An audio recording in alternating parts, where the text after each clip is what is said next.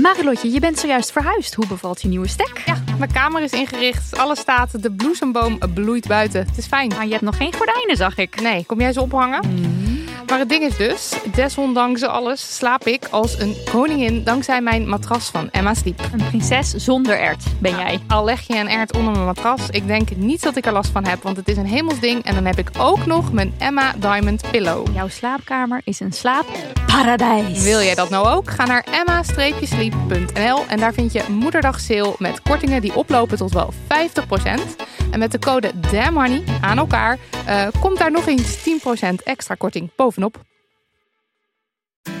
Luister jij al naar de podcast Co en Zo? Ik ben Rick Paul van Mulligen. Ik ben Nina de Lacroix. En samen met jouw man René voeden wij twee kinderen op in twee huizen. Co-ouderschap. We hebben het over alles wat je daarin tegenkomt. Maar ook over de juice tijdens onze kinderloze dagen, want die heb je ook in het co-ouderschap. Een podcast voor alle ouders in alle vormen, maar ook voor alle mensen zonder kinderen. Zijn we eerlijk, heerlijk herkenbaar. Dus luister naar Co en Zo in je favoriete podcast-app. Schattegatten, dag hallo. Wederom vanuit onze thuisstudio's. Welkom bij Damn Honey.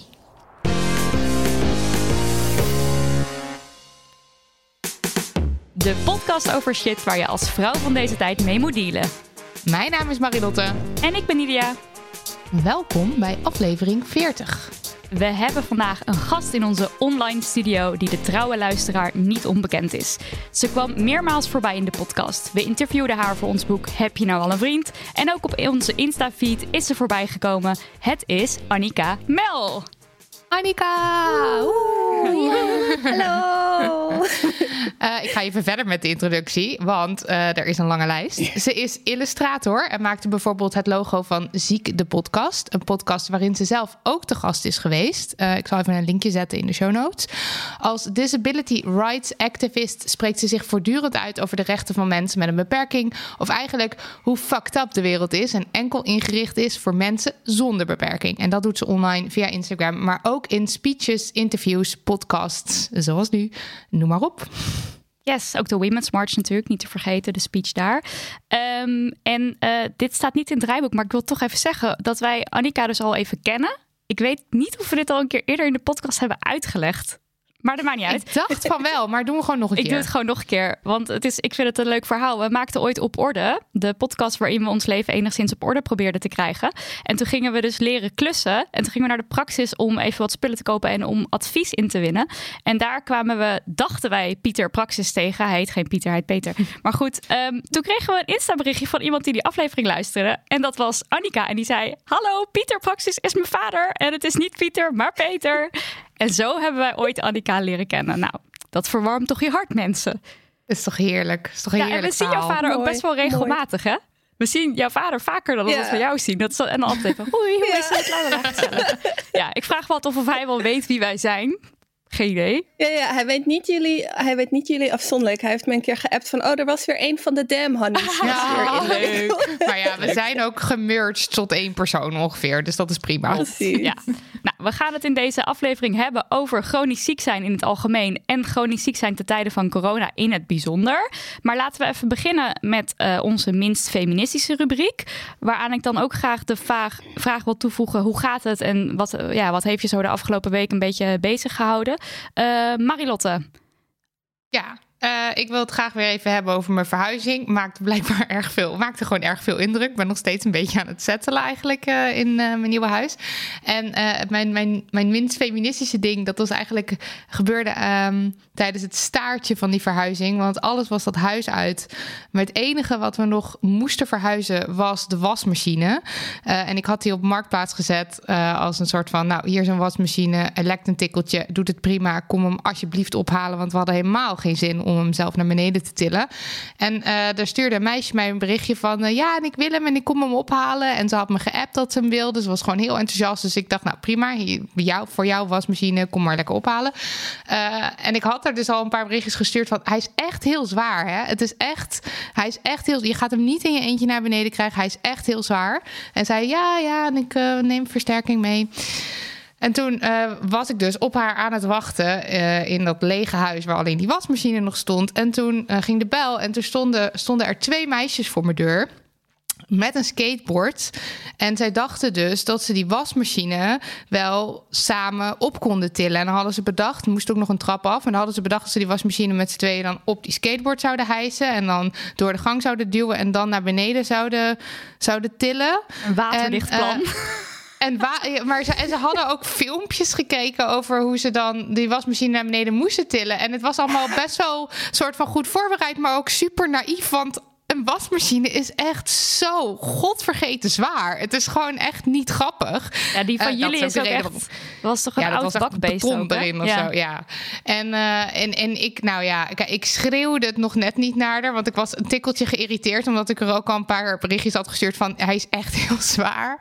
Maar ja, ik zei tegen haar: waarom heb je geen sterke man meegenomen? Oh, Erg, hè? oh, Ja. oh, Foei.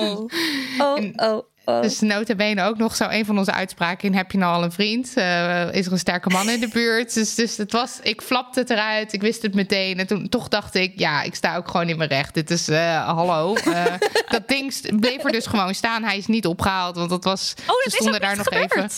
Nee, hij, ze Oh, daar gewoon nog even, te, even afscheid te nemen en zo van, nou, dit wordt hem niet. En, eh, en toen gingen ze weg en toen stond hij daar. En toen heb ik maar gevraagd aan de huisbaas of hij er maar mocht blijven staan. Dat was oké, gelukkig. Dus eh, ja, dat is voor de volgende huurders. Ja, die zijn nee, er misschien dat- heel blij mee.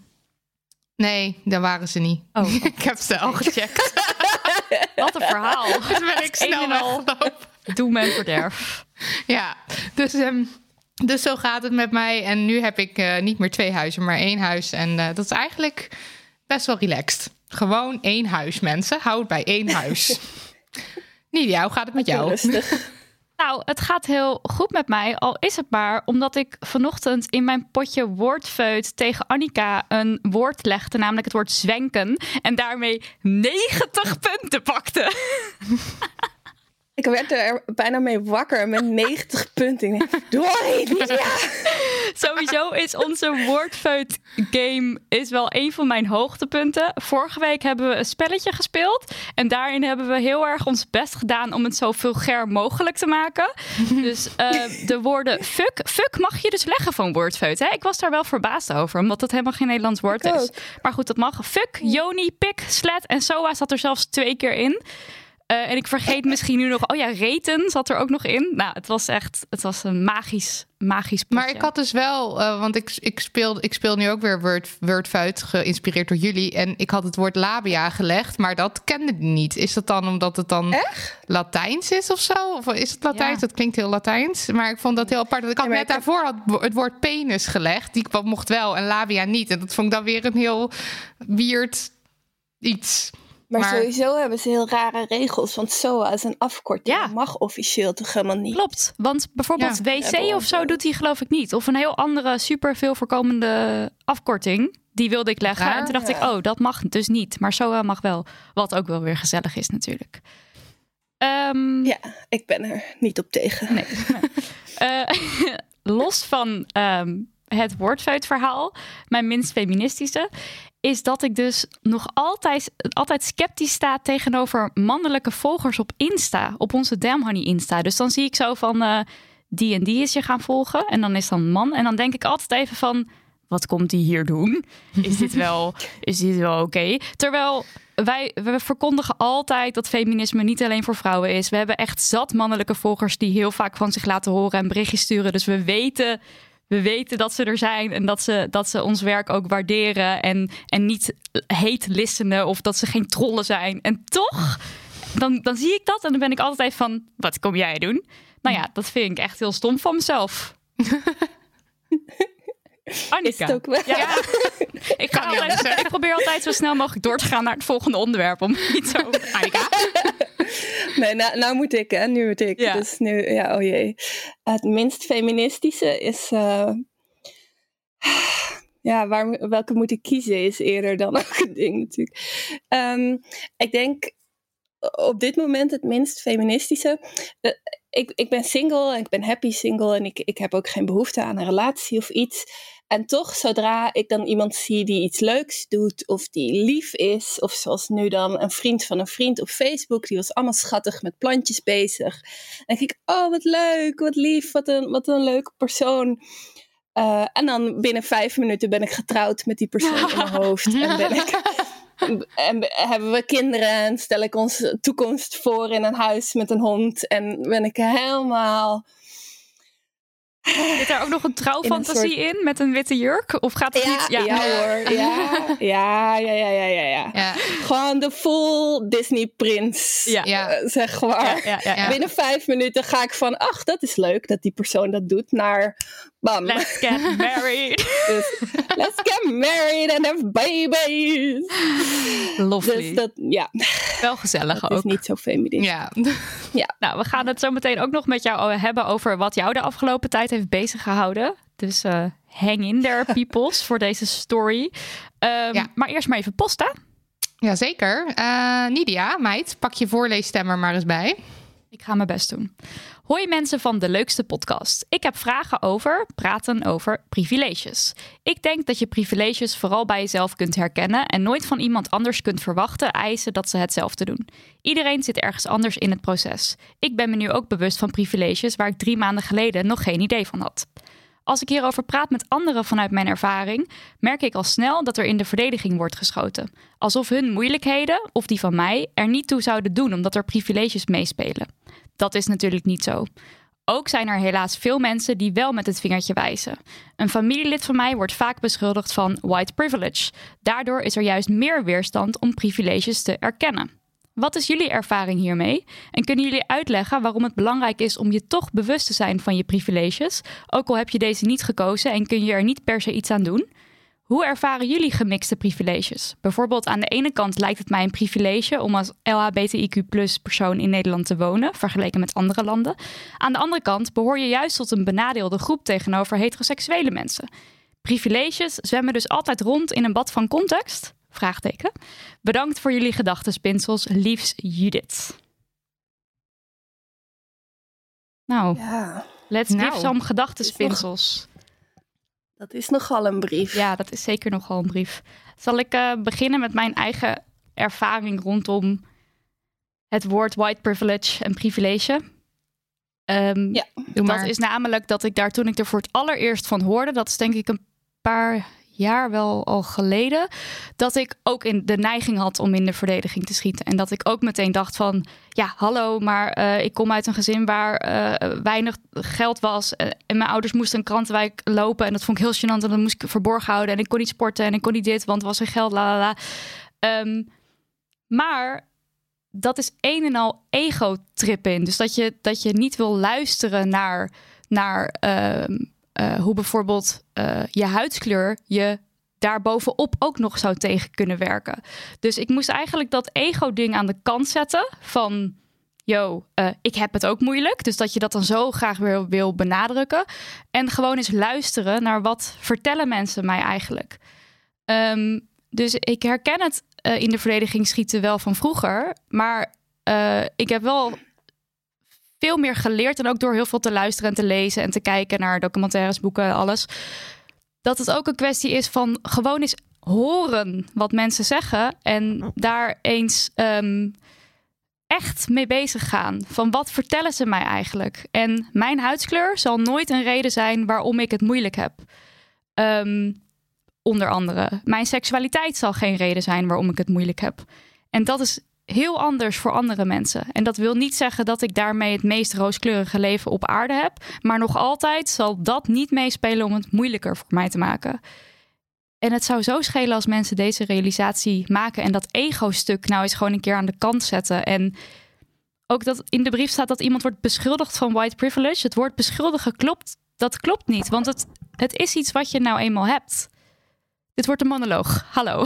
Zeggen jullie ook even ja, Sorry. Nee, ik, ik zit heel erg vooral te knikken met je mee te knikken. Want ik ben het gewoon heel erg met, je eens. Vooral inderdaad het wordt beschuldigd van white privilege. Dat, dat, dat is niet een beschuldiging. Dat is gewoon een, een statement. Het is gewoon een feit. En sowieso vind ik ja, ik wil niet degene die de brief heeft geschreven beledigen of iets dergelijks, maar deze hele brief druipt van het privilege. Om gewoon te kunnen zeggen van ik vind dat mensen de ruimte moeten krijgen om dat besef. Kijk, aan de ene kant snap ik het volledig en zit er een kern van waarheid in. Aan de andere kant heb je dus de luxe Ja. om niet meteen na te denken over je privileges. Dat alleen al is een privilege. Precies.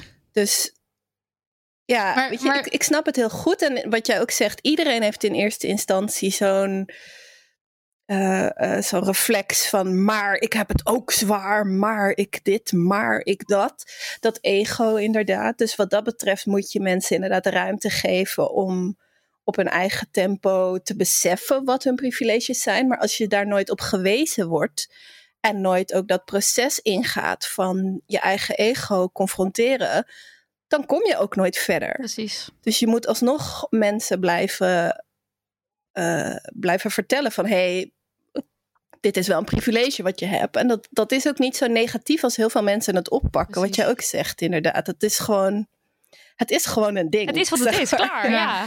En het is Maar niet ja. zo van jij bent een slecht mens omdat jij eh, white privilege hebt. Dat alleen niet, Nee, maar wel op het moment dat je totaal niet erkent en ehm, overschreeuwt. Of nou ja, er zijn allerlei eh, dingen te bedenken eh, die wel kwalijk zijn. Maar gewoon het, alleen het feit white privilege hebben is niet iets. Dat is niet iets slechts. Nee, Nee, het is precies. een, je, het je is kan, je kan echt op ding. straat leven of zo. Ja. Ja. Ja, Maar je kan Ja. echt dakloos zijn, geen familie meer hebben, hartstikke ziek zijn en wit zijn.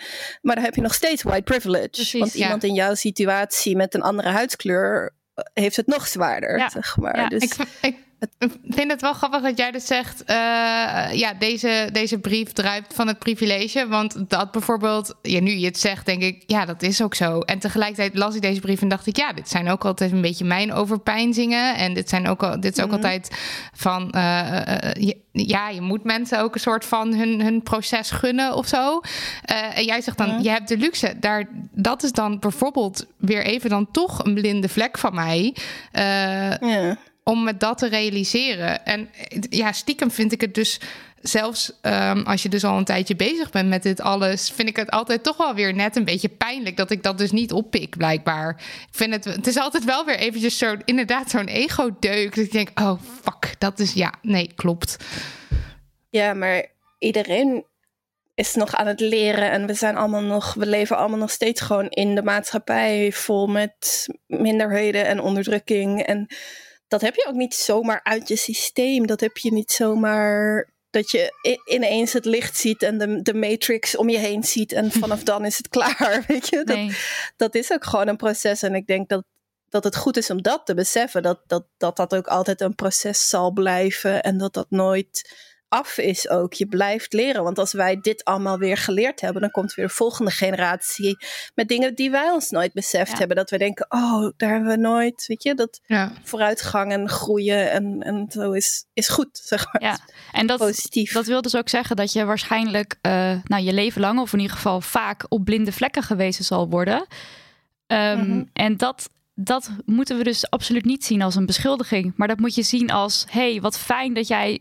Dat jij überhaupt dit aan mij wil vertellen en leren. Want dat is ook weer, weer eh, emotional labor. En dat is ook weer, weer opnieuw moeten gaan uitleggen waarom eh, een bepaalde minderheid eh, een minderheid is of het moeilijker heeft. Dat is ook allemaal heel kut om elke keer te moeten doen, natuurlijk. Ja. Dus ja, laten we Ja. vooral dat beschuldigen ook niet.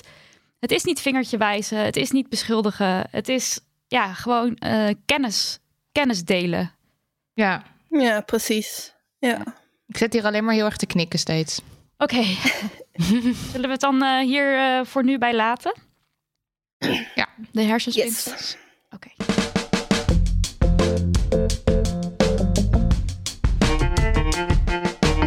We moeten het even hebben over chronisch ziek zijn. En dan wel over chronisch ziek zijn in het algemeen en chronisch ziek zijn ten tijde van corona in het bijzonder. Want waar het eerst totaal niet mogelijk was om online lessen of therapie te volgen, blijkt nu opeens the sky the limit.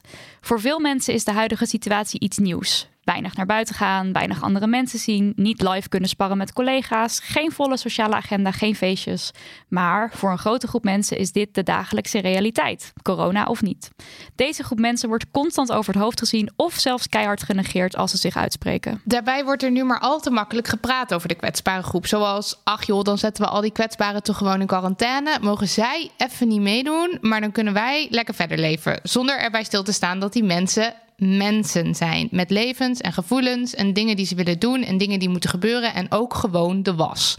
En vandaag gaan we het daarover hebben met iemand die zelf in deze situatie zit. Uh, Annika, kun jij eens beschrijven hoe een normale week voor jou uitziet? Uh, een, een normale week of een normale week nu?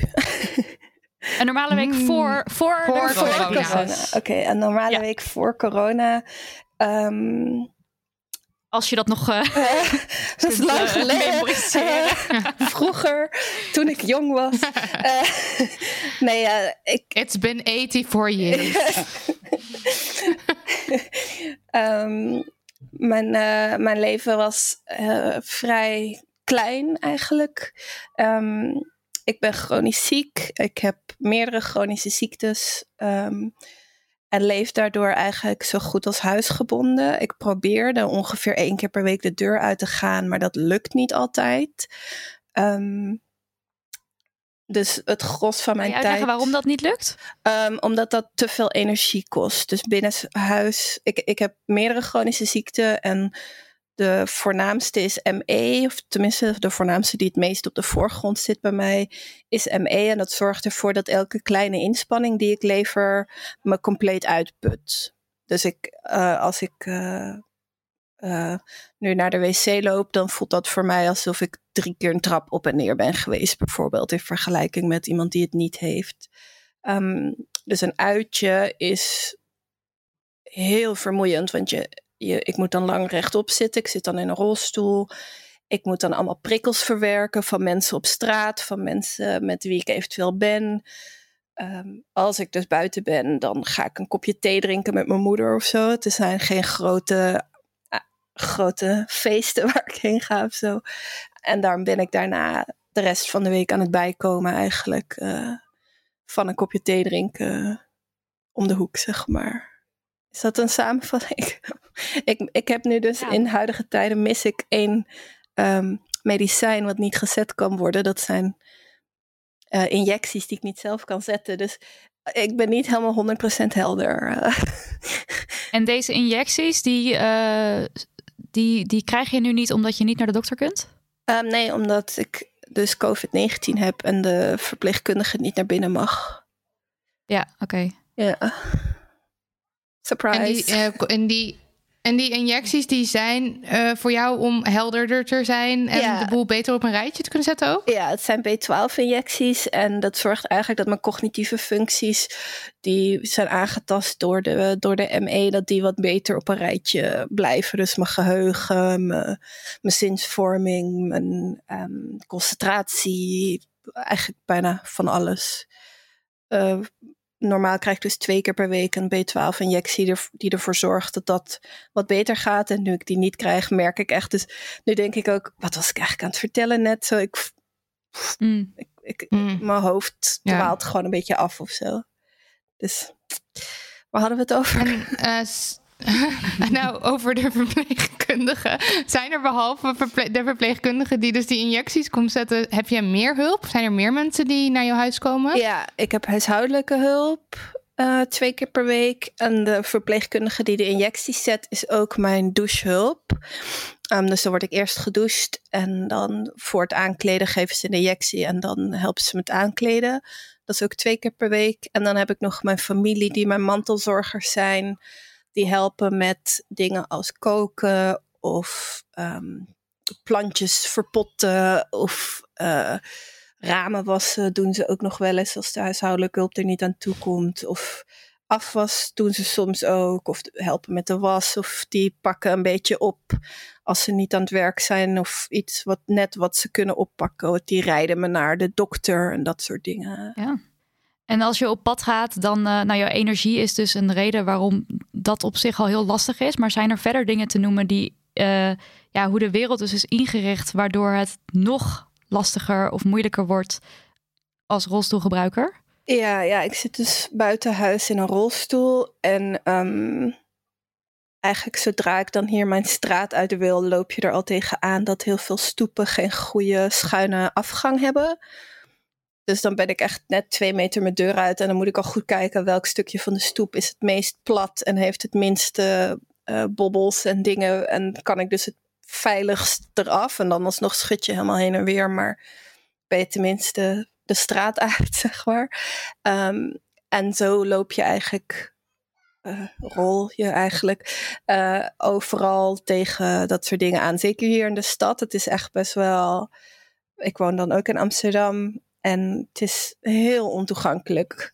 Ik, ik weet nu in mijn eigen buurt ongeveer welke stoepen ik wel en niet kan pakken. Want je hebt bijvoorbeeld stoepen die aan, de, aan het begin een schuine wand hebben. Dus dan ga ik daarop en dan zit ik op de stoep en gaat het goed. En aan het einde is geen schuine wand.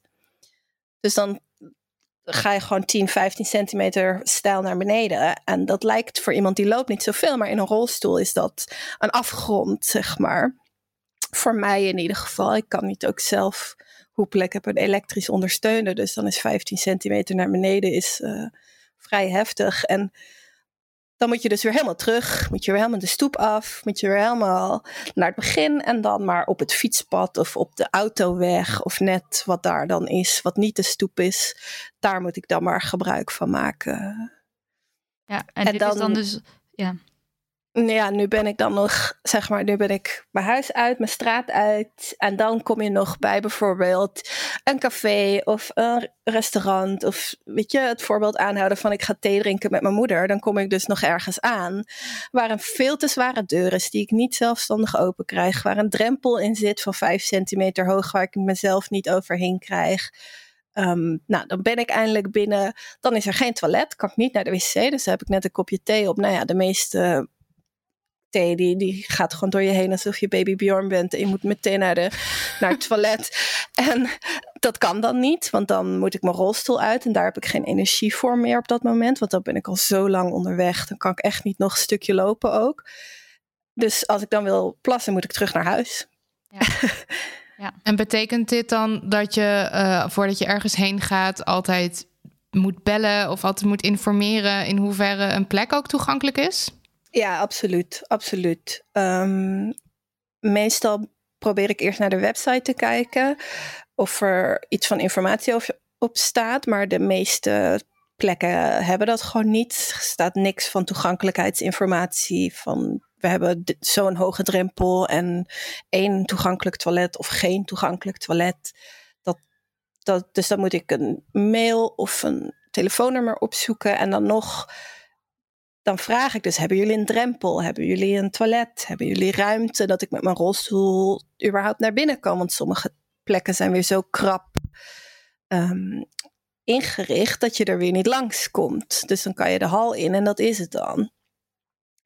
En um, Ach, nou ben ik weer kwijt waar we het over hebben. Midden in Nou, dat het ook wel vaak zo is dat als je dat dan gevraagd hebt, om maar weer eens onze boekpresentatie oh aan te houden, dat het dan dus niet, dat de informatie niet volledig is. Of dat er bijvoorbeeld wordt gezegd, ja, hoor, het is toegankelijk. En het blijkt niet. En er is bijvoorbeeld ook geen toilet dat toegankelijk is, want daar wordt niet eens over nagedacht.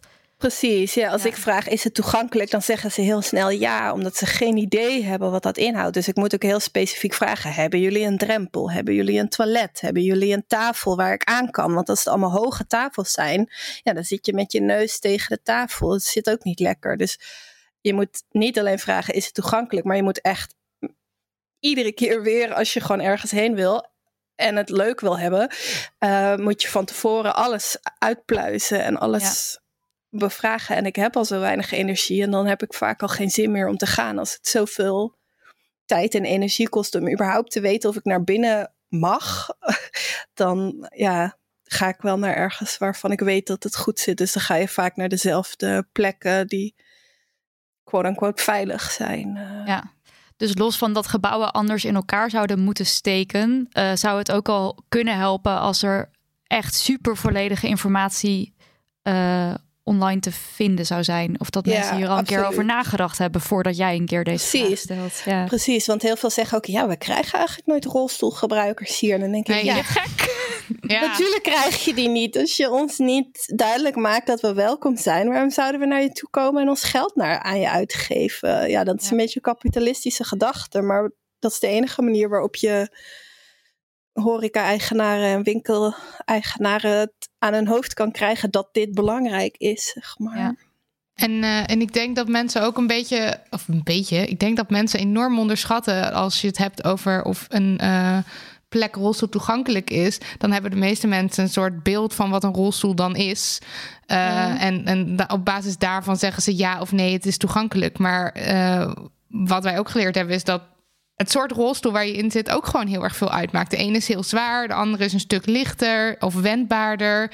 En dat je als mens dat de rolstoel gebruikt, dus die informatie nodig hebt om dus voor jezelf individueel te kunnen bepalen of iets toegankelijk is voor jou. Ja, precies. En dan heb je ook nog mensen die niet eens rolstoelgebruiker zijn, maar bijvoorbeeld met een wandelstok of iets dergelijks lopen.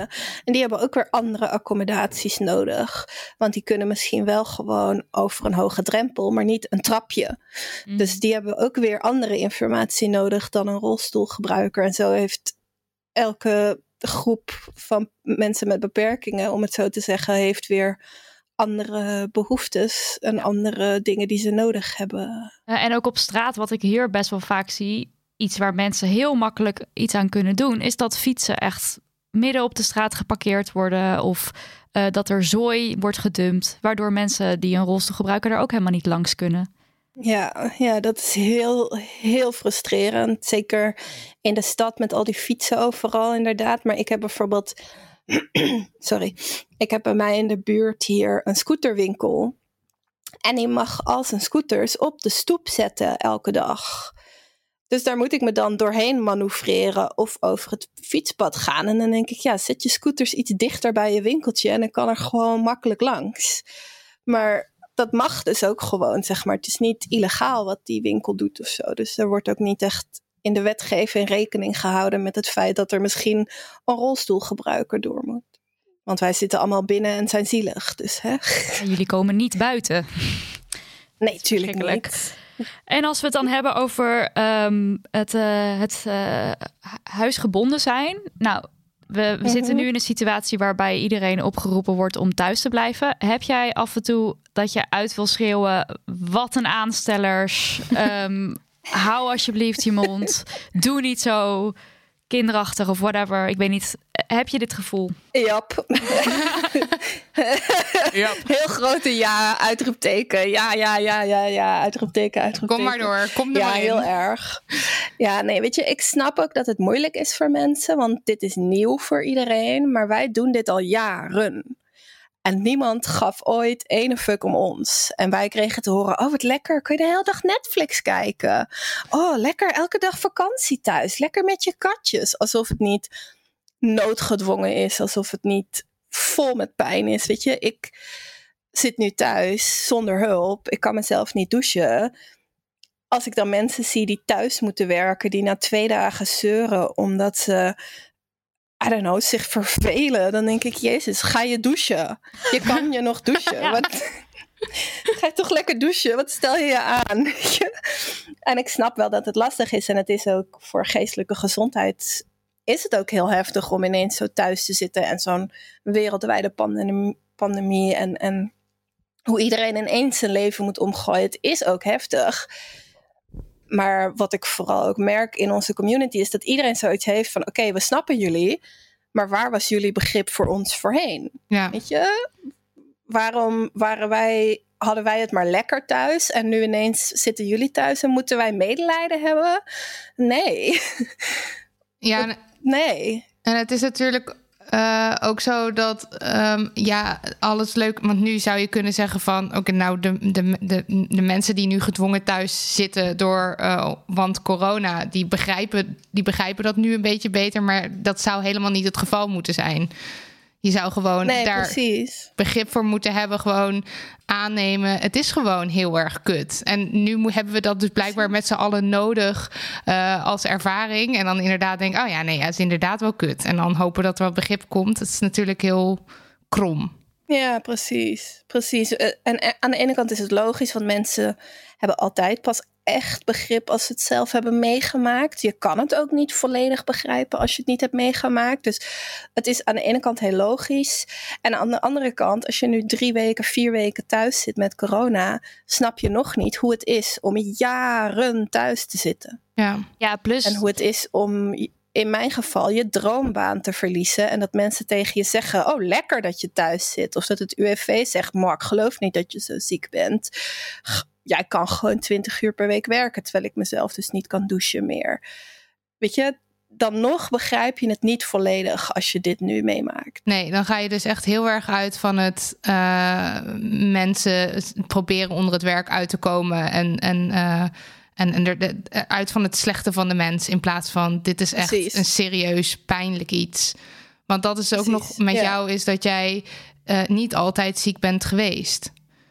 Nee, precies. Ik ben op latere leeftijd eh, gehandicapt geraakt. Niet elke gehandicapte vindt gehandicapt een fijn woord, maar ik vind het niet erg. Ehm, maar, dus dat is ook weer een andere ervaring dan wanneer je geboren wordt met beperkingen, zowel fysiek of mentaal. Dat, dat is een heel ander proces wat je doorgaat. En wat ik bijvoorbeeld, dat is niet zo één op één altijd te zeggen, maar wat ik veel zie is dat mensen die op latere leeftijd beperkingen krijgen, dat die eigenlijk veel vaker daar heel boos ook over worden hoe de maatschappij is. Als je, als je vanaf je geboorte niets anders weet dan dat het leven ontoegankelijk voor je is, is het heel anders dan wanneer je gaat van de hele wereld staat voor je open. En nu ineens kan ik nergens meer in en word ik nergens meer serieus genomen en word ik genegeerd of word ik alsof ik een soort zielig vogeltje ben eh, behandeld. Of alsof ik een kind ben. Ik heb volwassen mensen gehad die tegenover me staan. Die dan zo. Oh, heb jij het ook wel naar je zin hier? Dan denk ik, ik ben 34. Oh, ik ben 35. ik, ben, ik ben 35, rot en op. Weet je. Doe normaal. Ik ben geen kind. Omdat ik in een rolstoel zit. En en er zijn alsnog heel veel mensen die vanaf hun geboorte beperkingen hebben, die ook heel boos zijn en die ook heel strijdlustig zijn. Maar je merkt toch wel een verschil daarin dat als je het later, op latere leeftijd beperkingen eh, hebt gekregen, dan weet je hoe het voorheen was. Ja, hoe het Dan ook weet je kunnen. hoe het is. Precies. Ja. En dan verlies je dus veel meer. En dat is een heel rare gewaarwording ook. Want ik dacht dat, het, dat we het in Nederland best wel goed geregeld hadden. En dat het dan gewoon, weet je, met onze zorgstaat zoals we die vroeger hadden. En, en ja, we zijn toch een goed land, een welvarend land. En wij, wij lopen dus heel erg achter op heel veel landen. Qua toegankelijkheid. Ik weet niet precies waar we staan, maar eh, eerder in het midden of onderaan dan bovenin. En dat beseffen mensen zich gewoon niet, omdat daar niet over gepraat wordt in de media. Er wordt niet geluisterd naar mensen met beperkingen, want wij zijn er alleen om inspiratie te zijn voor mensen zonder beperkingen. Mensen zonder beperkingen die zien mij dan rollen over straat en die denken: Oh, nou, zij is naar buiten, wat goed. Dan kan ik het ook. En dat is het enige waar wij goed voor zijn. En dan moeten we weer snel naar binnen en achter gesloten deur. Want hè, andere functie hebben we niet in de maatschappij. En dat moet gewoon ook veranderen. En zijn er voorbeelden die je kan noemen van dit en dit is in een ander land wel zo en zo geregeld, wat hier dan dus niet zo is? Nou, bijvoorbeeld in Amerika heb je de Americans with Disability Act. Die is in 1990. 1990. Ik zit inderdaad was nog in de jaren 80. Nee, het is 1990. Heel laat Is vind ik dus, inderdaad- maar goed, ja, ga verder. Heel laat, maar wij hebben hier dus niks. Ja, hè? precies. dus 1990 is laat, maar de, de ADA, de Americans with Disability Act, Americans with Disabilities Act, is het volgens mij. ehm, die zorgt ervoor dat alles toegankelijk moet zijn. Dus als iets niet toegankelijk is, dan is dat strafbaar. En als je dus in Amerika woont en je hebt beperkingen en je komt ergens en er is niet aan toegankelijkheid ge- gedacht, dan mag je ze dus ook aanklagen. Nou ja, dat is natuurlijk heel Amerikaans om dat dan ook meteen te doen. Maar in Nederland, als ik ergens kom en het is niet toegankelijk, dan is dat gewoon zo. Daar kan ik niks aan doen. Dan, dan moet ik dat maar accepteren. En dan kan ik een smeekbede doen of iets naar de eigenaar. Of, maar dat maakt niet uit, want er is geen wet die zegt dat alles toegankelijk moet zijn. Dus wat nu de realiteit is in Nederland, is dat maar 15% van de openbare gebouwen toegankelijk is. Ja, en ook het Dus OV hij- bijvoorbeeld. 85%, 15% is toegankelijk. Dus 85% kan ik niet in. Ja, en daar zijn wij dus Ja. eigenlijk met z'n allen. Oké, ja, dus niet wij niet, maar eigenlijk Ja, als maatschappij precies. vinden Ja. we dit dus een normale situatie dat mensen geen Ja. gebruik kunnen maken van bepaalde faciliteiten. Waaronder echt dus de meest basic, dus echt openbaar vervoer en zo hebben we het ook over. Hè? We hebben het niet Ja. over dat Annika nu naar een of ander meest exclusieve bar in een, in een, in een weet ik veel, underground scene of zo. Het gaat echt over hele basic. ik ook, wil ja, ik dat ook. moet natuurlijk. En dat, zou, en dat moet ook, absoluut. Maar ja, Ja. even voor de mensen die dus hier totaal geen weet van hebben. st- Sta daar eens even oprecht bij stil. Dat jou gewoon Ja. verteld wordt: nee, hier mag jij niet naar binnen. Dit mag jij niet doen. Dit kan jij niet doen. Keer op keer op keer. Ja. Ja, er is bijvoorbeeld, ik geloof dat het in Groningen was, maar ik weet de stad eventjes niet precies. Ehm, daar is laatst een nieuwe bibliotheek gebouwd, dus de openbare bibliotheek van die stad. En die heeft heel veel trappen. Dat hele design gaat uit van trappen. Hmm. En ik geloof, is dat niet ook, ik weet niet of dat diezelfde bibliotheek is of een ander gebouw. En dat zijn dan twee torens.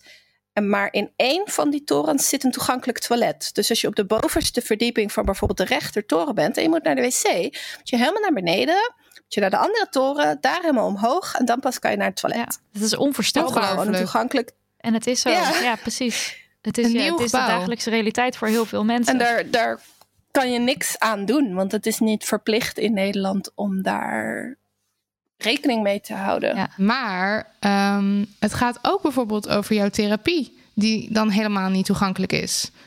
Sterker Ja. nog, gewoon niet. Ja, gewoon niet, inderdaad. Ja, want dat is inderdaad. Dus ik heb fysieke beperkingen en ik heb. ehm, hoe zeg je dat netjes? mentale beperkingen?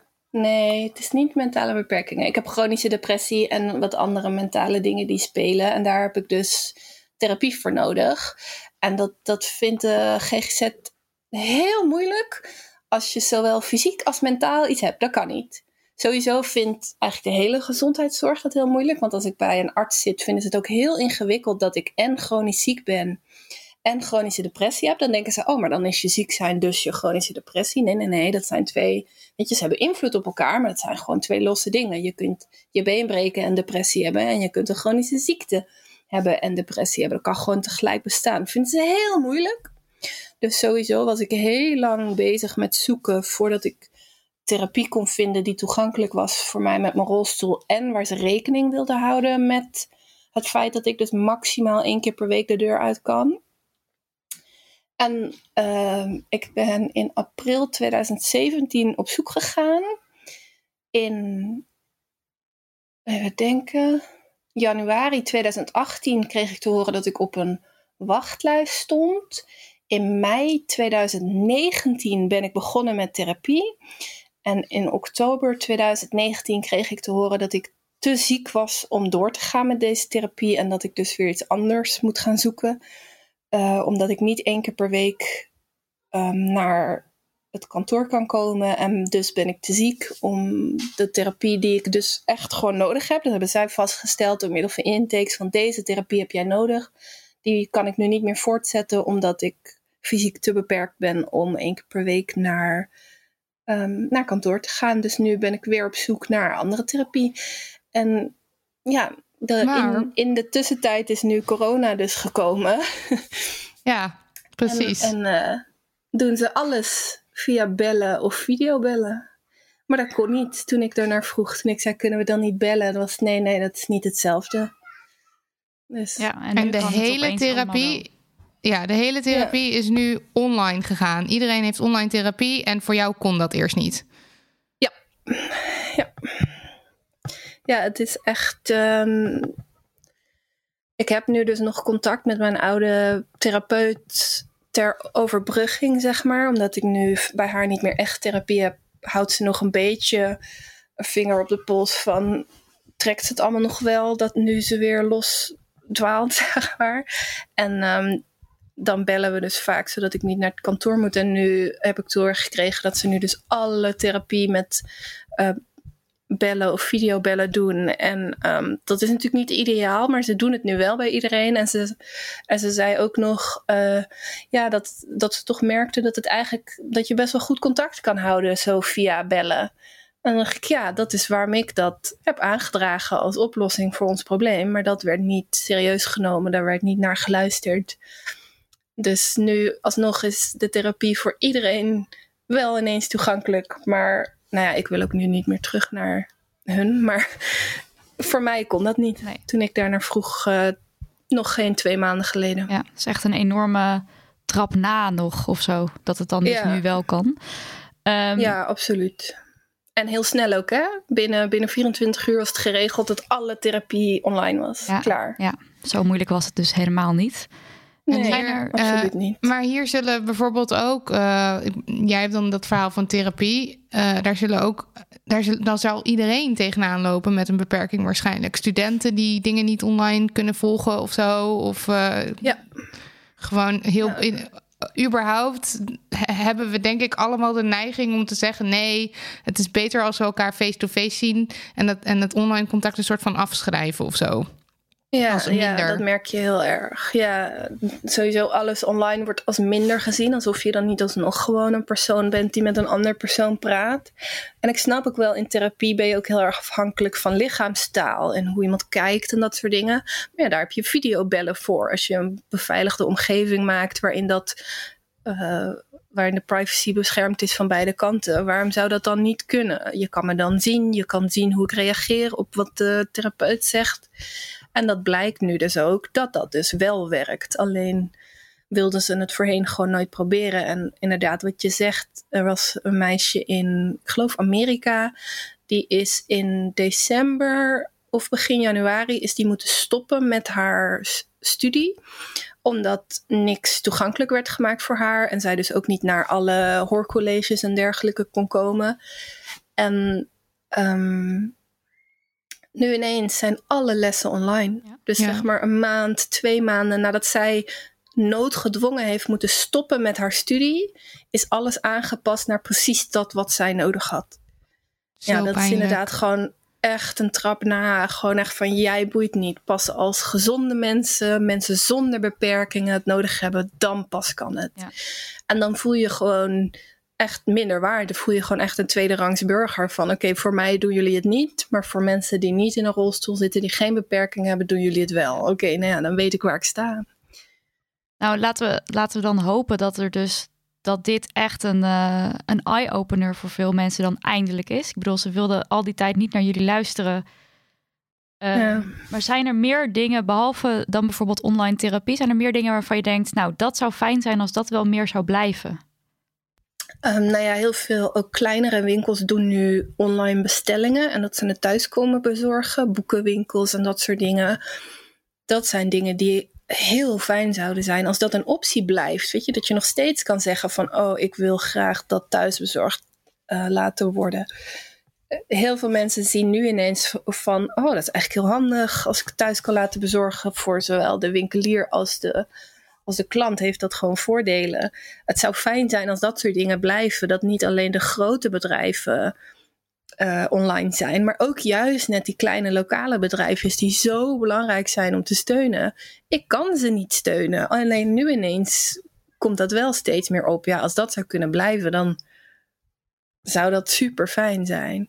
Maar ik denk het belangrijkste wat moet blijven is het besef mm. van dat het niet leuk is om altijd thuis te zijn. Dat het niet leuk is om uh, tijd te hebben om de Netflix, zoals mensen het zeggen. Dat het heel moeilijk is om thuis te zijn en dat je daar heel veel mentale problemen van kunt krijgen.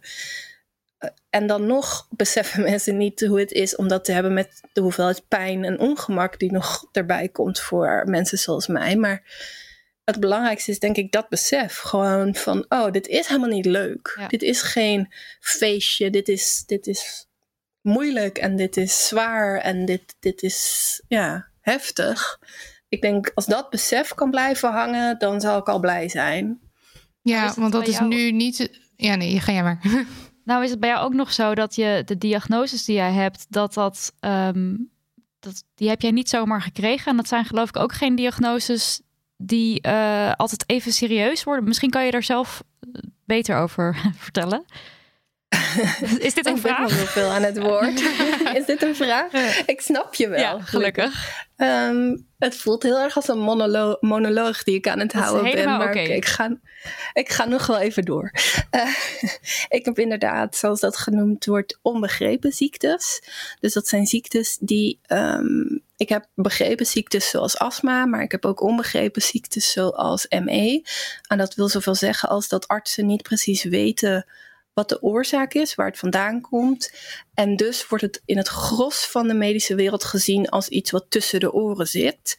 Er komt steeds meer bewustwording dat het toch echt een heel heftige multisysteemziekte is. En um, multisysteemziekte is dat het dus je hele lichaam aantast. Het tast niet één deel van je lichaam aan, maar gewoon alle systemen in je lichaam uh, tast het aan. Hetzelfde woord, maar nou ja. Um, Je zei hierover Maar- ook in ons boek, heb je nou een vriend van dat wat niet, nou ja, gefixt, of hoe moet ik dat zeggen, of genezen kan worden, dat bestaat niet in de medische, dat, dat wordt niet erkend. Nee, dat, dat, daar, daar is een soort raar iets binnen de medische wetenschap. En het, heel veel mensen zullen boos worden als ik dit zeg, die in de medische wetenschap zeggen. Maar het is gewoon zo dat als ze het niet begrijpen, dan, dan bestaat het gewoon niet voor hun. Dat is gewoon de realiteit waar mensen zoals ik en vrienden van mij continu tegenaan lopen. Is van, oh hebt die diagnose. Oh, dus het zit tussen je oren. In plaats van, oh jeetje, dan ben je wel heel ziek. Of jeetje, dan heb je dit of dat. Ze, ze begrijpen niet waar het vandaan komt en dus bestaat het niet. Zo is, zo is vroeger eigenlijk met elke ziekte omgegaan. Kanker is ook zo naar gekeken. Vroeger MS is ook zo naar gekeken. AIDS was in de jaren tachtig ook een straf van God, zoals dat dan genoemd werd. En nu wordt er ook nog zo gekeken naar andere onbegrepen ziektes. Er wordt niet geleerd van de geschiedenis van goh, we weten niet waar dit vandaan komt. Misschien is het wel heel erg. Er wordt meteen gedacht, oh, we weten niet waar dit vandaan komt, dus het bestaat niet. En dat is dan weer een extra horde die ik moet nemen, omdat als een arts dus, als ik gewoon naar mijn longarts ga bewijzen van, die ziet dan in mijn dossier staan van, oh, ze heeft ME, dan hebben ze meteen een mening over je. Dan ben je meteen, oh, dat is er zo eentje. Oh, dat is zo eentje die eh, zich aanstelt en een soort Munchausen-idee hebben ze erbij. Alsof je een soort hypochonder bent of zo. Was ik maar hypochonder, want dan kon ik elk moment dat ik wilde weer voor de klas gaan staan. Weet je, kon ik gewoon weer terug naar mijn werk. En dat is een soort extra hoepel waar we altijd doorheen moeten springen. Als je een begrepen ziekte hebt, dan is dat alsnog heel vervelend. En dan loop je alsnog tegen heel veel dingen aan in onze ontoegankelijke maatschappij. Maar je hebt tenminste wel artsen die je serieus nemen. En ja, dat is eigenlijk dus ook een privilege. Ja. Ja, Wat, uh, wat die Het- mensen weer hebben. het hangt heel erg samen met dat idee van eh, dat, dat mensen een soort van ergens onderuit proberen te komen en dus doen alsof ze ziek zijn of zo. En, en dat je Ja. dus eh, op het moment dat, er da- dat het dan een begrepen ziekte is, dan is er bewijs voor dat het zo is. Dus dan. Eh, dan, dan zal je wel niet liegen. En jij hebt ook wel eens verteld over dat je, dat je expres geen make-up op doet, bijvoorbeeld als je naar de arts gaat, om, Ja. om, er, om er maar gewoon overtuigend ziek uit te zien. Ja, je moet. Ik heb, ik heb in de loop der jaren inderdaad een soort goede balans gevonden. Van je moet geen make-up op. Want als je make-up op hebt, dan zie je er goed uit en geloven ze je sowieso niet. Maar je moet er wel verzorgd uitzien. Je moet niet in je pyjama aankomen, want dan ben je weer depressief. Dus dan word je meteen weer in dat hoekje geschoven. Dus eh, w- wat ik vaak doe, is dat ik mijn haar wel een beetje netjes in een knotje of zo doe. En wel een jurkje of een broek met een trui of zo aan, maar dan geen make-up. Dus dat je wel ziet van, oh, ze zorgt voor zichzelf en toch is ze ziek. Zeg maar je. Want ik heb dus wel eens make-up gedragen naar een intake bij een GGZ-instelling. En dan kwam ik daar aan in mijn rolstoel, hartstikke moe. En het eerste wat die psychiater zei was: Nou, je ziet er niet ziek uit, hè? En dan denk ik, ja, oké, daar heb ik inderdaad een uur voor de spiegel voor gezeten, zodat je het niet ziet. Ja, dat maakt me niet minder ziek of zo, zeg nee, het is maar. niet Dus- een compliment. Nee, precies. En ik, ik heb dat toen ook wel aangegeven later, van dat zijn geen complimenten voor mensen zoals mij, want dit was een instelling die eh, zich nog richtte op mensen met onbegrepen klachten ook. Dus het was helemaal eh, je publiek niet kennen eigenlijk. Dus deze hele laag komt er nog bovenop. Wat je al zegt, van dit is ook nog een hoepel. eh, Ja, waar mensen zich ja. ook waarschijnlijk weer totaal niet bewust van zijn. ehm, die Nee, zelf weer nee. niet mee moeten dealen. Goed, toen werd jij een paar weken geleden ineens nog zieker. Ja, What kon er happened? nogal bij, ja. toch? was net na de Women's March, geloof ik. Ja, ja, een paar dagen daarna werd ik ineens. Ik dacht dus dat ik nog. Want ik was dus naar de Women's March, wat voor mijn lichaam echt een soort dubbele marathon is. Dus ik dacht van ik ben gewoon aan het bijkomen van de Women's March. Ja, want dat is iets wat jij Ehm, incalculeert dan, hè? Van je weet van, oké, nou Ja. dat is gewoon fucking zwaar. Dan ga ik misschien een week, twee weken gewoon echt helemaal, ja, Maand, kapot. ja. Een maand, sorry. Ja, Ja, ja, dus daar ging ik gewoon van uit. Dus toen ik slechter ging, dacht ik, oh, dat is gewoon de backlash van dat ik naar de Women's March was. Ehm, maar toen ging ik ineens ook steeds meer hoesten. Ik werd donderdagavond ging ik een beetje hoesten, vrijdagochtend steeds meer hoesten en benauwd. Ik heb astma, dus ik ben bekend met benauwdheid en mijn, mijn extra pufjes hielpen niet. Ik dacht, hmm, hmm, dit lijkt toch wel op die symptomen waar ik zoveel over hoor in het nieuws. En ehm, dus toen heb ik gebeld met mijn huisartsenpraktijk. En die zeiden van, nou ja, blijf maar binnen. En doe maar even je hulp dan niet voor het zekerheidje.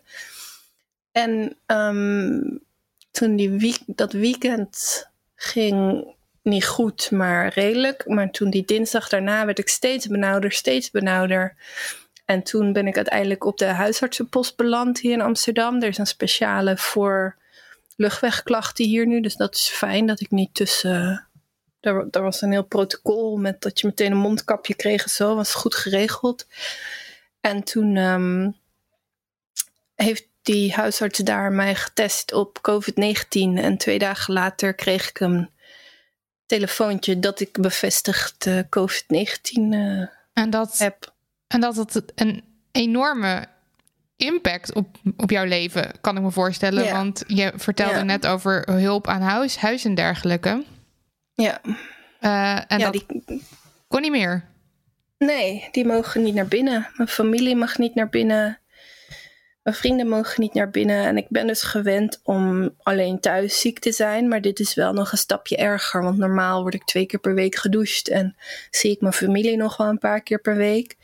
En nu valt dat allemaal weg. Dus niet alleen was ik dubbel zo ziek. Ook nog eens was ik echt alleen, zeg maar, ziek. Ja.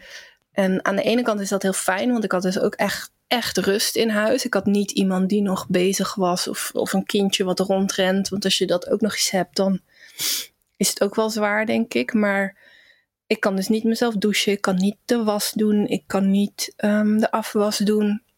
Dat zijn allemaal dingen waar ik niet meer toe in staat ben. Dus dat peilt allemaal op. En uiteindelijk is mijn moeder nu een paar keer binnen geweest voor de afwas. Met mondkapje op en handschoenen aan. En dat ze gewoon meteen thuis goed wast en zo. En mijn zus heeft nu al een paar keer een was voor mij gedaan. Maar dan zet ik dus een was met vuile was s'avonds op de, in, de, in de hal, in de trappenhuis. En dan kan zij die de volgende dag ophalen wanneer dus de, het virus dood is op Ja. die tas, zeg maar. Ja.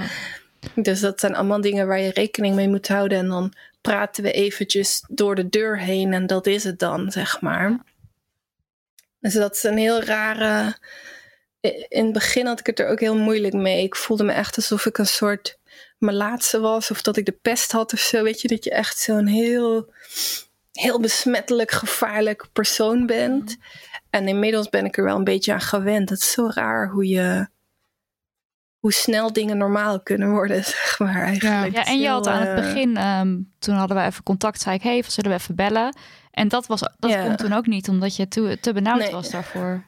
Ja, ja, ik heb toen één keer met vrienden ehm gefacetimed. En dat was echt veel te heftig. Ik kon toen echt nog niet goed praten. En nu nog ben ik benauwder dan ik normaal zou zijn. Maar het gaat zoveel beter dan... Maar ja, ik ben morgen ook al vier weken verder. Mm, Dus ja. mag ik wel een keertje dat ik weer kan praten, op zijn minst. eh. Hey, en ehm, waar ik dus ook, want jij had op je stories, had je, hou jij, eh, geef jij, nee, hou jij een soort verslag bij van, eh, van je quarantaine dagen, Ja. waar ik ehm, naar kijk. En ehm, de eerste keer dat jij dus aangaf dat je het coronavirus had, ja. Kijk, iedereen is inmiddels ook wel doordrongen van het feit dat er een kwetsbare groep is. En ik kon ook wel de connectie leggen dat jij onderdeel was van die kwetsbare groep. En ehm, Ja. dus wat ik als eerste dacht was, maar dat is heel eng. En daar ging jij toen niet over praten. Nee. je, hebt, je hebt zeg maar ehm, best wel laat, eh, ik denk vorige week of zo, heb je een story gemaakt over de, de gevoelens die je erbij had. Eh, Ja. En ja, hoe was dat? Ben je bang geweest? Heel bang, ja, heel bang. Ik, ehm, ik voelde gewoon al aan de symptomen van dit is het. Het kon bijna niet iets anders zijn. Maar toen ik dan die bevestiging kreeg, dacht ik echt, oké, ik ga dood. Ja. Gewoon het eerste Ja. dat ik dacht van, oké, ik, ga, ik ga dood, dit is het. Ehm, ook omdat natuurlijk het nieuws zich heel erg focust op alle doden. Eh, al die cijfers worden allemaal naast elkaar gelegd elke dag. En weer zoveel erbij, weer zoveel erbij. En het is goed dat dat gedeeld wordt, omdat dat het besef bij mensen hopelijk vergroot hoe ernstig de ziekte is. Maar als je dan een risicogroep bent en je wordt bevestigd ermee, dan denk je wel: oké, dat, dat was het dan, dat is het einde. Ja, super Ehm, confronterend. Ja, ik heb toen ook in een dagboek eh, opgeschreven van dat ik begraven wil worden en naar welke vrienden ik mijn dieren zou willen doen, ehm, welke liedjes ik zou willen op mijn begrafenis en dat, dat expres opengelaten, zodat als ik dan dood ben, dat mijn familie dat dan vindt, weet je, dat ze niet moeten zoeken naar wat ik wil, maar dat het gewoon open, bloot, duidelijk ligt. Ehm, en toen ik bevestigd was, toen heb ik ook met mijn familie afgesproken van als ik niet voor twee uur middags een berichtje stuur, dan kunnen jullie even komen checken of het nog goed gaat. Want ik heb dus meerdere sloten op mijn deur. Zoals ik zei, ik woon in Amsterdam, dus mijn hele deur zit vol sloten natuurlijk. En sommige daarvan hebben sleutels en sommige zijn alleen van binnenuit ehm, open te maken. Dus die zitten allemaal niet op slot. Dus alleen de sloten waarvoor mijn familie sleutels heeft, zitten nu op slot, zodat zij 24/7 naar binnen kunnen, mocht het nodig zijn. Dus hadden we dus ook afgesproken van als ik niet voor twee uur 's middags reageer op berichtjes, dan is er misschien iets mis en moeten jullie komen kijken. En ik slaap dus ook heel slecht door de, door de corona. En eh één, da- één nacht was ik eigenlijk de hele nacht wakker. Ik denk tot een uur of half negen. Oh, een van mijn katten is eventjes op de laptop gaan weg. eh, toen denk ik dat ik half negen of zo inderdaad in slaap ben gevallen die nacht. En toen werd ik wakker omdat mijn deur open ging. En het was dus half twee en mijn familie vond het echt... Die redden het niet tot twee uur. Dus mijn vader en mijn zus stonden ineens in mijn woonkamer van... Ben je oké? En ik werd echt heel brak wakker. En achteraf is het een heel grappig verhaal. Want ik werd dus echt zo, ah, wat is er? Is het als middag? Oh, sorry, ik sliep. En zij helemaal, oh, ze is oké, ze is oké, ze is oké. En het is ergens heel grappig, maar het is dus ook heel heftig. Ja, want mijn vind- familie dacht, Ja, Ja. is helemaal, ik, eh, eh, ja, ja, het is heel heftig. mijn familie dacht, we gaan haar vinden, weet je. Of, of al overleden, of dat ze nu naar het ziekenhuis moet en ze gaat in coma of zo. En dat was gelukkig niet. En ik heb heel, heel veel geluk gehad. Want ik heb dus blijkbaar de milde variant. Ehm, terwijl ik dus astma heb en een heel zwak lichaam. Dus op alle vlakken ben ik zeg maar een 80-jarige vrouw, fysiek. Dus theoretisch gezien zou ik nu gewoon dood moeten zijn. Ja. Vier weken later. En, en ik ben er nog. Dus dat is.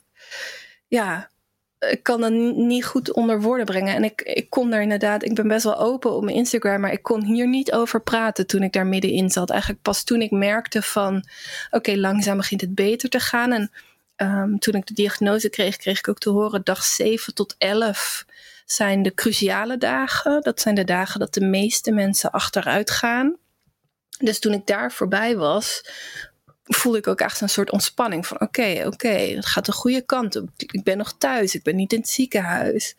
En toen werd ik langzaam steeds minder benauwd. Langzaam wat minder dat griepgevoel in mijn lichaam. Langzaam, langzaam, steeds. En pas toen kon ik daarover praten, omdat je dan niet meer echt die angst voelt, maar dan is het voorbij. En als je ergens middenin zit, is het toch vaak moeilijker om dat onder woorden te brengen dan wanneer je er voorbij bent en wanneer je ja, een beetje er achteraf op terug kan kijken en kan denken: oh, zo voelde ik me en daarom voelde ik me zo. Dus daarom duurde dat wat langer voordat ik daar uh, echt open over kon zijn. Want het zijn ook niet dingen die je wil zeggen van oh, ik ben bang dat ik dood ga. Maar dat, ik vind het al heel, eigenlijk heel bijzonder hoe je het nu al zo, uh, ja, zo helder kan, helder kan, kan vertellen. Ja, onder woorden kan brengen. Want ja, dit is natuurlijk een emotionele. Dit is behalve dat het fysiek heel zwaar voor jou is, heeft het emotioneel dus ook een enorme klap. Nog veel meer dan uh, iemand ja. die fysiek sterker is, die corona krijgt. Het, ja, het nou ja aan de ene kant. Aan de ene kant denk ik dat iemand die fysiek sterk is meer zal schrikken van corona. Want ik weet dus hoe het is om heel ziek te zijn. Ik weet hoe ik daarmee om moet gaan. Ik weet hoe ik alleen moet zijn terwijl ik zo ziek ben dat ik dus niet eens kan koken of iets voor mezelf. Als je gaat van een compleet gezond iemand naar zo ziek, want COVID is echt geen grapje. Je bent echt. Ik was thuis en ik was echt. Zo ziek ben ik nooit geweest buiten mijn chronische ziektes om, zeg maar. Het is de ernstigste griep die ik ooit in mijn leven gehad heb. Als een gezond iemand van een gezond lichaam naar dat gaat, ik denk dat die meer schrikt ja. dan dat ik het deed, mm. zeg maar. Ik, ik heb meer crip skills, om het zo te zeggen, zoals we dat noemen in de community, mm. om daarmee om te gaan. Ja. Dus dat is een soort geluk bij ongeluk, zeg maar. Het is, het is heel dubbel. Ik denk wel dat het heel goed is dat je dit um, uitspreekt en vertelt, omdat het dus, nou, het raakt me heel erg, merk ik. Um, omdat we toch ook op Twitter vooral, of misschien social media vooral, het erg snel het hebben over de kwetsbare groep. En daar hoor jij niet bij of zo. Van nee, jongens, daar hoeven we yeah. ons niet druk over te maken, want daar hoor je niet bij. Uh, yeah. En jij hoort daar wel bij. En die verhalen hoor je dan eigenlijk niet. Nee. Het is gewoon heel goed en confronterend om dat wel te horen. Ja. Ja, het is heel veel. Je leest ook heel veel van overal oude mensen gaan dood. En inderdaad artikelen in de Volkskrant over uh, hoe we ouderen en de zwakkeren geoogst worden. En dat dat een geluk Precies, bij een ongeluk ja. is. Ja, ja. letterlijk in. Um, ja, geen excuses ooit voor gemaakt ook of zo. Um, en dat is dus dat geeft aan hoe validistisch onze samenleving ja. is. Wij worden gewoon gezien als niet zo belangrijk. Ja. Weet je, wij dragen niet zoveel bij aan de economie, dus we zijn niet zo belangrijk. En nu lees je dan heel erg over, vooral mensen boven de 70 gaan dood, alsof dat niet heel erg is. Dat ja. iedereen zijn opa en oma nu collectief aan het verliezen is. Of als ze geen kleinkinderen of kinderen hebben, dan nog zijn dat gewoon waardevolle mensen die een hele leven hebben meegemaakt.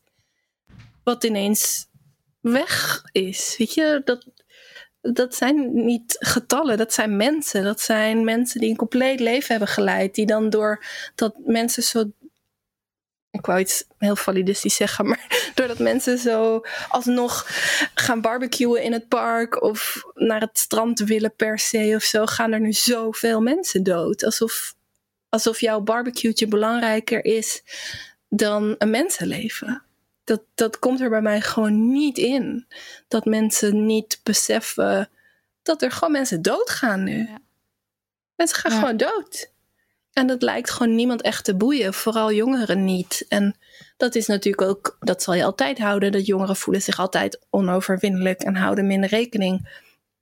Dat, dat is ook gewoon onderdeel van, van volwassen worden en dat soort dingen. Dus aan de ene kant kan je het niet heel erg kwalijk nemen, maar ja, dat is ook wel waarom ik mijn verhaal ook op mijn Instagram wel elke dag even een update geef en deel. En ik heb ook berichtjes gekregen van mensen van ik neem het veel serieuzer doordat ik zie hoe ziek jij er ben, mee bent geweest. En doordat jij erover praat, dat het geeft een soort gezicht aan al die cijfers. En ik denk dat dat heel belangrijk is om het wat menselijker te maken allemaal. Ja, zeker. Ja, dat denk ik ook. Heel erg dank daarvoor. En ook bedankt dat je ja. hier weer zo open um, en dit voor wil doen. Dankjewel. wel. Graag gedaan. Dankjewel. Graag gedaan.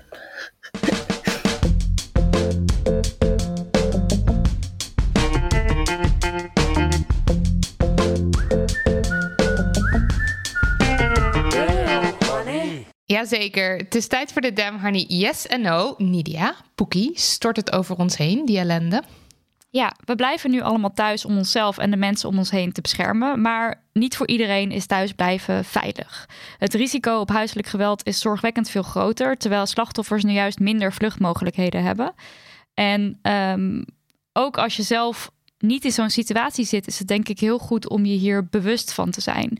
Misschien trap je zelf snel in de gedachte van: oh joh, ik ken geen mensen bij wie dat gebeurt. Um, mijn buren, mijn familie, mijn vrienden, die zou dat nooit overkomen. Maar iedereen kan slachtoffer worden van huiselijk geweld. En het is dus in deze situatie waarin mensen dicht op elkaar zitten, nog, ja, de kans dat het gebeurt is groter. Um, en de uitweg is er dus niet, want je kan niet eventjes uh, vluchten eigenlijk. Nou, nu hebben de bovengrondse Vice Nederland en Landelijk Netwerk Thuis, uh, Veilig Thuis, die hebben de handen ineengeslagen om aandacht te vragen hiervoor. Uh, voor huiselijk geweld tijdens de coronacrisis. En wat ze hebben gedaan is een poster maken die mensen oproept om extra alert te zijn en melding te maken bij het vermoeden van huiselijk geweld. En uh, stel je wil zo'n melding maken, dan kan dat via telefoonnummer 0800 2000.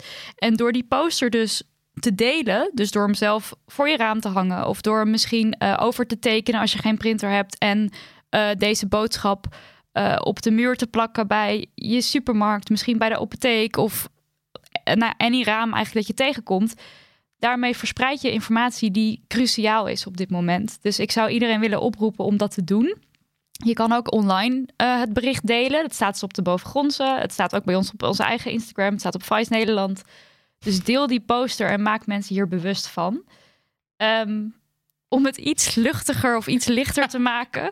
Nou, wij dachten, laten we het met stoepkrijt op een, um, op een muur, muur hier in de buurt uh, tekenen. Want wij wonen allebei op de eerste verdieping. Dus je kan het bij ons wel ophangen. Maar dat zullen weinig mensen waarschijnlijk zien. Die moeten dan heel actief daar naar boven kijken. Dus nou ja, wij dat proberen.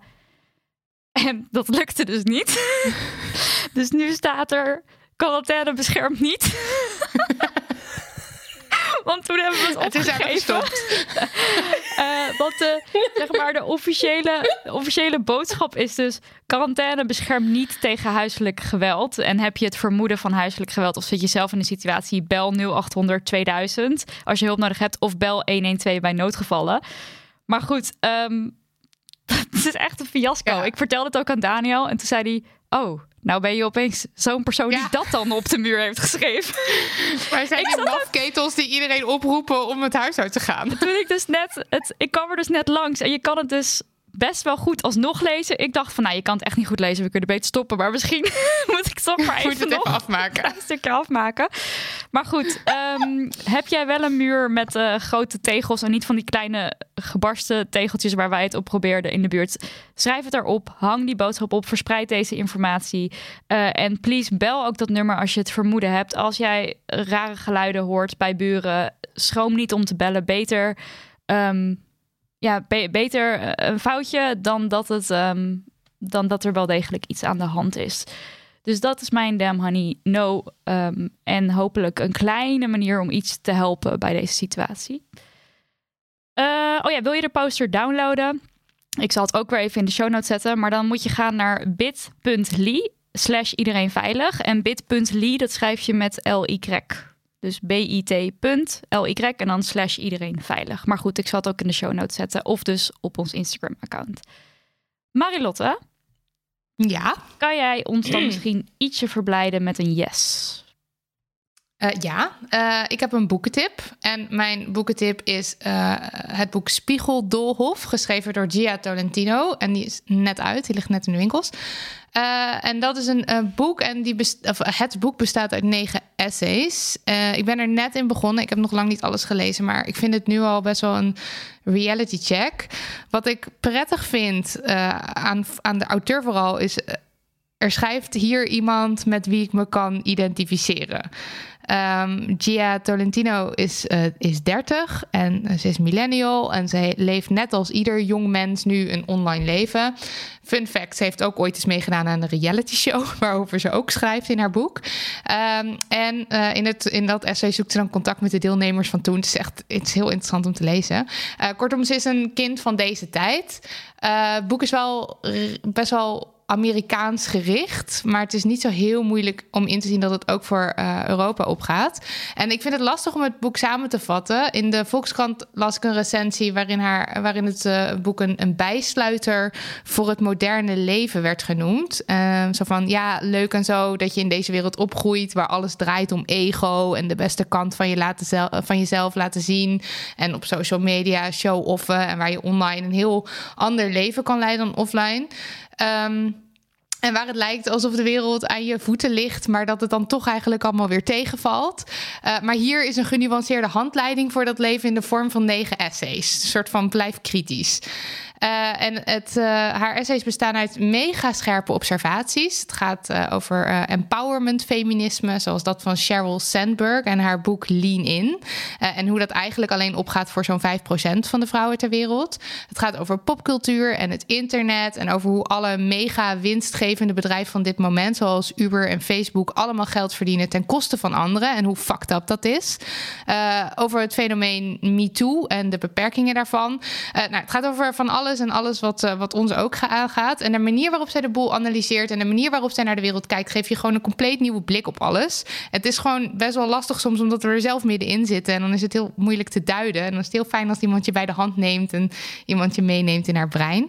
Uh, en door het hele boek is haar perspectief als vrouw van kleur uiteraard ook verweven. Dus uh, ik ben in ieder geval gegrepen. Lees het. Ja, ik sluit me daarbij aan. Ik heb het ook nog niet helemaal uit, maar ik heb wel een aantal essays geschreven. En ik heb meteen een tip die hier lezen. Aan... Wat zei ik dan? Geschreven. Oh, geschreven. God, nee. Nee. Er, Je gaat er niet met de eer van door, hoor. Ik ga er zeker niet met de eer van door. Gelezen heb ik het. En de andere, een, een, tip die hierop aansluit, die ik graag zou willen geven, is de bonusaflevering van Dipsaus. Want Anousha de Zoemer, die, die voor Dipsaus, uh, die Dipsaus heeft opgericht en die uh, in de podcast ook vaak zit, die woont dus in New York. En die heeft gewoon een interview met haar geregeld. Een live interview in Brooklyn. Uh, cool. Net voordat de coronacrisis vol uitbrak. Uh, en het is, het is een fijn, uh, heel fijn gesprek om naar te luisteren. Dus dat is ook een mooie aanvulling. En misschien ook een goede als je denkt van... oké, ik zou het boek wel willen lezen... maar ik weet niet of ik, of ik het nu kan betalen of nou anything. dit is dan iets wat je, wat je alvast zou kunnen doen. Dus ik zal de link naar de aflevering in de show notes zetten. Ja, en nu we toch zo lekker aan het lees- en luistertippen zijn... ik heb nog een leuk Damn Honey Jessetje. Um, en een primeur eigenlijk ook. Uh, wij zijn nieuwe curatoren voor Blendel. En uh, dat betekent dat wij, dat, dat wij elke paar maanden vanaf nu onze favoriete artikelen uh, gaan tippen. Dus dat zijn stukken die wij vermakelijk of relevant of scherp of eye-opening of levensveranderend, die op een of andere manier indruk op ons hebben gemaakt en die we relevant genoeg vinden, uh, die gaan we op een rijtje zetten en, en die kan je dan lezen. Dus mocht je nieuwsgierig zijn naar onze eerste selectie, dan kun je al een kijkje wagen. Officieel is de Dam Honey Blendel samenwerking nog niet in de lucht, maar speciaal voor onze honingballen is de site al wel live. Uh, en dat is damhoney.blendel.com, maar die zet ik ook nog even in de, in de show notes. En daar kun je dan alvast je mailadres achterlaten. Uh, en volgens mij is aanstaande dinsdag uh, de eerste collectie uh, komt live, geloof ik. Dus doe dat. Leuk, leuk, leuk. Nice, nice. Annika. Ja? Jij hebt ook nog een yes die je met ons gaat delen. Ik heb een hele, hele grote yes. Een hele zelfs. grote yes. Een hele grote yes. Het is de documentaire Crip Camp op Netflix. The world always wants us dead. We live with that reality. At the time, so many kids just like me were being sent to institutions. It was just a continual struggle. Most disabled people, like myself, are unable to use public transportation. We needed a civil rights law of our own. Waar moet ik beginnen? De hele, iedereen moet het kijken. Die hele documentaire is zo amazing. Um, het, we hadden het net over de ADA in Amerika, de Americans with Disabilities Act. En deze docu gaat eigenlijk over de groep mensen die dat voor elkaar heeft gekregen en hoe ze dat hebben gedaan, hoe hard ze daarvoor hebben moeten strijden, hoe genegeerd ze werden, hoe oh, het is een heel emotionele rollercoaster, zeker als je zelf ook zo'n activist bent. Is, en het is ook echt een soort vergeten geschiedenis. Ik ben onderdeel van die activistische cirkel. En zelfs ik wist nog niet eens de helft van wat er in de documentaire aan bod komt. En het is zo mooi om te zien hoe eigenlijk een groep jeugdvrienden uiteindelijk zo'n hele beweging en gewoon het hele land verandert. En oh, iedereen moet kijken. Het is zo amazing. Ik, uh, ik wil hem gewoon nog tien keer zien om gewoon weer dat gevoel te krijgen van ah yes, we got this. Ja. Ah. Ja, ik kan me hier volledig bij aansluiten. Dit is echt, deze documentaire moet iedereen kijken. Want ik Ja. denk dat het Ja. een enorm inzicht geeft ook. ehm, eh, alle, alle, alle shit waar je als persoon met een beperking tegenaan, of niet alle shit, maar veel komt ook voorbij. Het is Ja. ehm, de mensen die erin zitten, Judy Human, Denise Jacobson. Wow, hebben die mensen een standbeeld al? Ik heb dat gegoogeld. Nee, dat hebben ze nog niet. Maar deze mensen moet iedereen kennen. Dit, dit, dit Ja. verhaal is zo belangrijk. En toen ik de documentaire gezien had, wilde ik er ook daar alleen maar daarover praten met mensen. En het, ja, je, je moet het gewoon gaan zien. Ik wou eigenlijk een veel ja. bet- betoog geven, maar eh, dan kom- je val ik toch een beetje kijken. stil. Ja, Ja, Ehm, het maakt gewoon heel erg veel indruk. En ik denk dat voor jou, Annika, is het, is het heel erg eh, op, op wiens schouder sta ik. En Ja, eh, voor ons erg. is het heel erg van, oh my god, we kunnen echt zoveel bewuster zijn en zoveel meer bezig zijn met, eh, met, met mensen met een beperking en waar ze tegenaan lopen. Ehm, Ja. Omdat we, we hebben er niet genoeg oog voor. Sterker nog, we duwen ze gewoon weg. Uh, Ja. Het gaat op een gegeven moment letterlijk over de kinderen met een beperking die les hebben in de kelder. En toen vond ik dat gewoon zo, zo, zo sprekend. En, en ja, het is echt Ja. eye-opening. Heel Ja. mooi. En die beelden van die, ehm weet je dat nou, dat instituut ja, met die ja. kinderen in al die bedjes. Dat Ja. ga ik nooit meer van mijn netvlies krijgen. Dat is heel heftig, maar bedoel, dat gebeurt gelukkig nu niet meer. Maar in andere landen wel, Ja. weet je? Er zijn nog landen waarin kinderen zo behandeld worden. En Het is, iedereen moet gewoon kijken. Ja, het is Leuke echt- fun fact is wel, hij is ook geproduceerd door de Obama's. ja, ik zag dat. Ja. Oh, dat dat is is, een leuke fun fact. inderdaad een leuke fun Ja. fact. Maar het is echt een documentaire waarbij je. Het is heel, het is heel zwaar, maar het is tegelijkertijd ook. Zit er, zit er eh, humor in. En er zit, het, is, Ja. het is echt alles. Je, zit- je zit te huilen, maar het is ook. eh, ja, het, het laat ook een vorm van activisme zien die zo puur en, en, en, en, en, en sterk is. Dat is, ja, het is echt. ehm, wat daar toen gebeurd is, wat daar bereikt is, dat is, ja, dat is ongekend. En ja, Ja. Ja. ik heb En wat ze er ja. allemaal voor op hebben Precies, gegeven. Hè? Wat Precies. slapen op die grond en oh my Dat god, ja, ik kan want me niet voorstellen. Het is als able-bodied mens ehm, niet, al niet in te denken hoe het is om dus actie te voeren door hoe de straat op te gaan. Dus eh, als je een beperking hebt en als het jou nog meer energie of dat het misschien echt onveilig voor je is. En deze documentaire laat dit allemaal zien. En Ja. nou ja, ehm, ja, het is echt het is prachtig. ja, dus ga het ga het zien. kijken. En als je, als je ook maar enige dit kan verspreiden, ook weer bij mensen, bij leerlingen of bij familie, please, eh, doe dat allemaal, mensen. Ja. Ja. Crip Camp. gezamenlijke Damn Honey. Yes. Yes. Dit was aflevering 40. Annika, bedankt voor het intunen en je wijsheid en je zijn. Ja, mega bedankt. En ook leuk Ja. dat Johnny en Beb af en toe even de katten heel even zo joe, even komen, hoi komen zeggen in, op de camera. Dat zien de mensen thuis niet, maar wij wel degelijk. En daar geniet ik van. Daniel van de Poppen, ons producer geschenk uit de hemel. Dank voor het mogelijk maken van dit alles. Ik wil wel even erbij zeggen, ik heb vandaag zelf de knopjes ingedrukt, mensen. Hij is hier niet, hij is in een ander kamertje. Ik heb het allemaal zelf onder controle. En ik heb ook vandaag voor het eerst helemaal zelf zonder hulp van Daniel aangesloten hier in de thuisstudio. Dus eh, ook dank aan ons. Ehm, Lucas de Gier, we see you, we thank you voor de hartstikke leuke tunetjes. En Liesbeth Smit, meid, dank voor onze website die een lust voor het oog is. Lieve luisteraar, stuur ons post. Dat kan naar info.damhoney.nl. En dankjewel dat je weer luisterde naar deze aflevering. Wil je ons supporten? Laat een recensie achter ergens in de hoeken en gaten en krochten van het interwebs. Of geef een aalmoes via petje.af slash damhoney. Of weet je wat, doe het gewoon lekker niet. Altijd zelf weten, mensen. Hang in there. Love you allemaal. Dag. Bye bye.